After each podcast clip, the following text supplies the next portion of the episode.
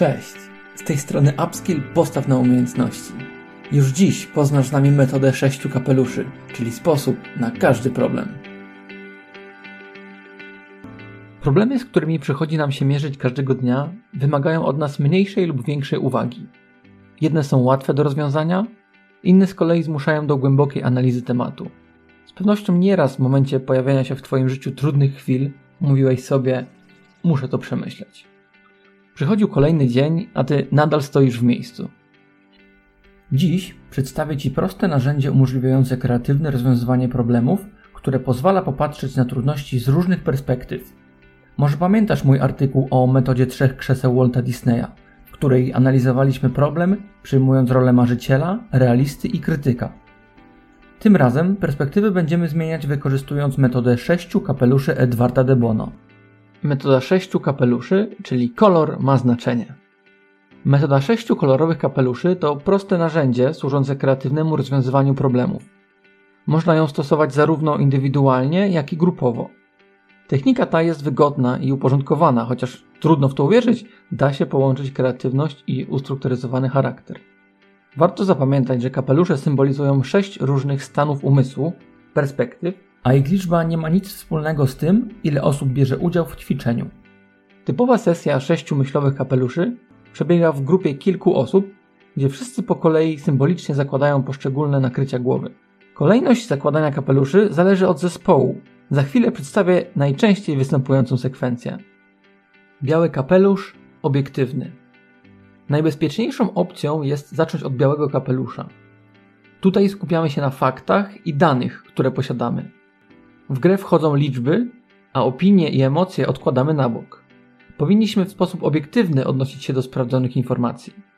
Warto na tym etapie rozdzielić dane na dwa poziomy. Pierwszy z nich to niepodważalne fakty. Drugi stanowią informacje, do których pewności nie jesteśmy przekonani i mogą okazać się przekonaniami, a nie faktami. Celem białego kapelusza jest lepsze poznanie struktury problemu i zrozumienie sytuacji, w której się znajdujemy. Cytując Edwarda de Bono, Wyobraź sobie komputer podający fakty i liczby, jakich się od niego żąda. Komputer jest neutralny i obiektywny. Nie dokłada własnych interpretacji ani opinii. Nosząc na głowie biały kapelusz myślowy, myślący powinien starać się postępować niczym komputer. Czerwony kapelusz emocjonalny. Ta rola jest odwrotnością białego kapelusza. Tutaj skupiamy się na emocjach i odczuciach, jakie wzbudza nas dany problem. Mogą one być zarówno pozytywne, jak i negatywne. Dostrzeżenie tych emocji i wypowiedzenie ich na głos pozwoli wyłożyć karty na stół. Dzięki temu możemy zobaczyć skąd wzięły się poszczególne uczucia i co je wywołało.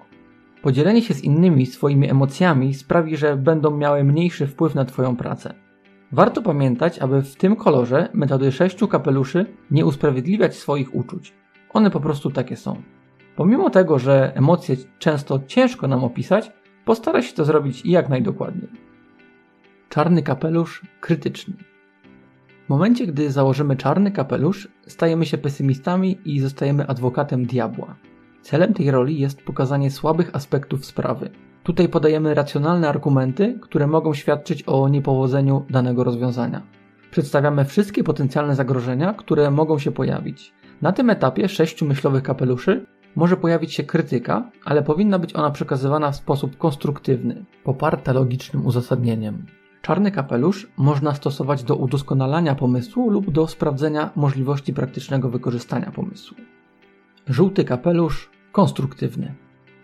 Żółty kapelusz jest odwrotnością czarnego. Kolor ten symbolizuje jasność i optymizm. Szukamy pozytywnych aspektów danego pomysłu.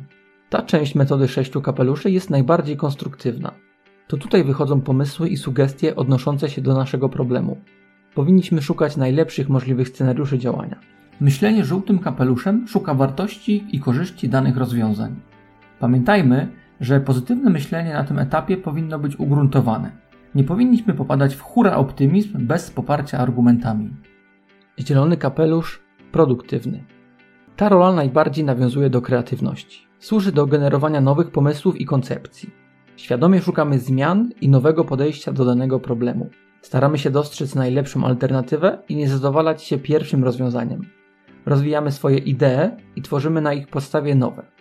Zielony kapelusz umożliwia nam generowanie twórczych i nietypowych pomysłów, które mogą wydawać się czasami nielogiczne.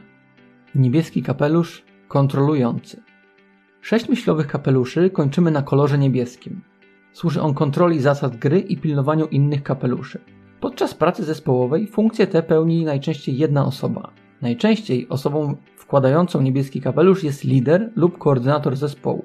Spina on pozostałe kolory i czuwa nad efektywnym przebiegiem procesu myślenia. Do jego decyzji należy dobór kolejności poszczególnych kolorów. Wymaga się od niego dużej koncentracji, dobrej organizacji i zarządzania grupą. Podsumowanie. Sześć myślowych kapeluszy to ciekawe i proste narzędzie pomagające nam spojrzeć na problem z różnych perspektyw. Metoda ta, pomimo że wykorzystuje kreatywność, jest bardzo uporządkowana. Pozwala wyjść poza schematyczne myślenie i dostrzec nowe możliwości. Ten sposób na kreatywne rozwiązywanie problemów sprawdza się zarówno w pracy indywidualnej, jak i grupowej. Dzięki tej metodzie uczymy się odpowiednio zadawać pytania i opisywać swoje emocje. Kolejność zakładania kapeluszy zależy od prowadzącego i zespołu. Ważne, aby nie przypisywać kolorów na cały czas trwania sesji oraz ze względu na dopasowanie do danej osoby. Stosując metodę sześciu kapeluszy, musimy być elastyczni.